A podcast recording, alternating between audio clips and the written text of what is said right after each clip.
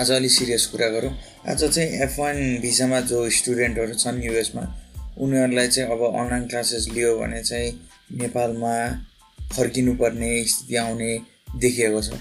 त्यो न्युजमा आएको छ। त्यसले गर्दाखेरि धेरैजना हत्याएका छन्। कतिजना यस्ता साथीहरू छन् जसले चाहिँ यत्रो जब लसेसहरू भइरहेको छ।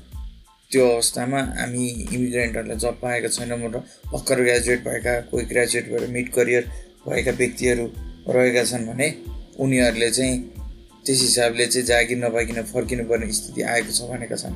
म एउटा कुरा के भन्छु नि यो अवस्थामा चाहिँ तपाईँहरूले हरेस नखानुहोस्। के सोच्नुहोस् भने धेरै जसो विद्यार्थीहरू जो अमेरिकामा अमेरिकन छन् तपाईँसँग पढ्न आउँछन्। उनीहरू तपाईँसँग पढ्छन् र आफ्नो आफ्नो बाटो लाग्छन् आफ्नो आफ्नो ठाउँमा जान्छन्।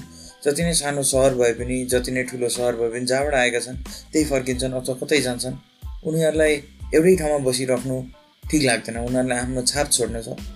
यदि तपाईँ उनीहरू जतिकै इक्वल छु उनीहरू जतिकै सक्षम छु भन्ने सोध्नुहुन्छ भने फर्स्ट त्यो सोचाइ किमा नरा राख्नु भन्दाखेरि तपाईँ नेपालमा आएर काम गर्नुहोस् अस्ट्रेलिया जानुहोस् युएसबाट जहाँ पनि जानुहोस् युएस नै बस्नुपर्छ भन्ने छैन। तपाईँ आउनुभयो भने तपाईँको सक्षमता कसैले हटाउन सक्दैन।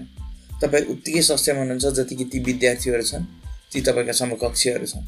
त्यस कारणले गर्दाखेरि आजको अवस्थामा तपाईँहरूले के बुझ्नु भन्दाखेरि तपाईँको सात दिनलाई तपाईँ नेपाल फर्किनुहुन्छ भने हामी जस्तो मान्छेहरू छौँ। हामीहरूलाई थाहा भएको कुरा हामीहरू सेयर गर्छौँ। जो फर्केर आएका छन् उनीहरूले तपाईँलाई जब चाहिएमा जब अनि तपाईँलाई यदि अन्टरप्रिनरसिपमा गाइडेन्स चाहिएमा अन्टरप्रिनरसिप र यदि तपाईँलाई चाहिँ स्टडीमा गाइडेन्स चाहिएमा स्टडीमा दिने मान्छेहरू यस कन्ट्रीमा अलिक प्रशस्त छन्। एकदम गाह्रो हुन्छ नि गाह्रो गाह्रो समय हो सबैको लागि विश्वमा। त्यस समयमा आफ्नो मान्छे नै काम लाग्छन् त्यस कारणले मैले तपाईँहरूलाई एउटा सानो अपिल छ। यदि तपाईँहरूलाई यदि समस्या छैन भने तपाईँ फर्किन सक्ने स्थिति छ भने फर्किनुहोस्। किनभने तपाईँलाई यो देशबाट कसैले निकाल्न सक्दैन। यो देश तपाईँकै हो। र यहाँ आएर तपाईँले काम गरेर यहाँको सिचुएसन इम्प्रुभ गर्नुभयो भने झन् तपाईँलाई निकाल्न खोजेका ती व्यक्तिहरू तपाईँको देशमा आउन चाहन्छन्। त्योभन्दा बेटर सिचुएसन के हुन्छ होला?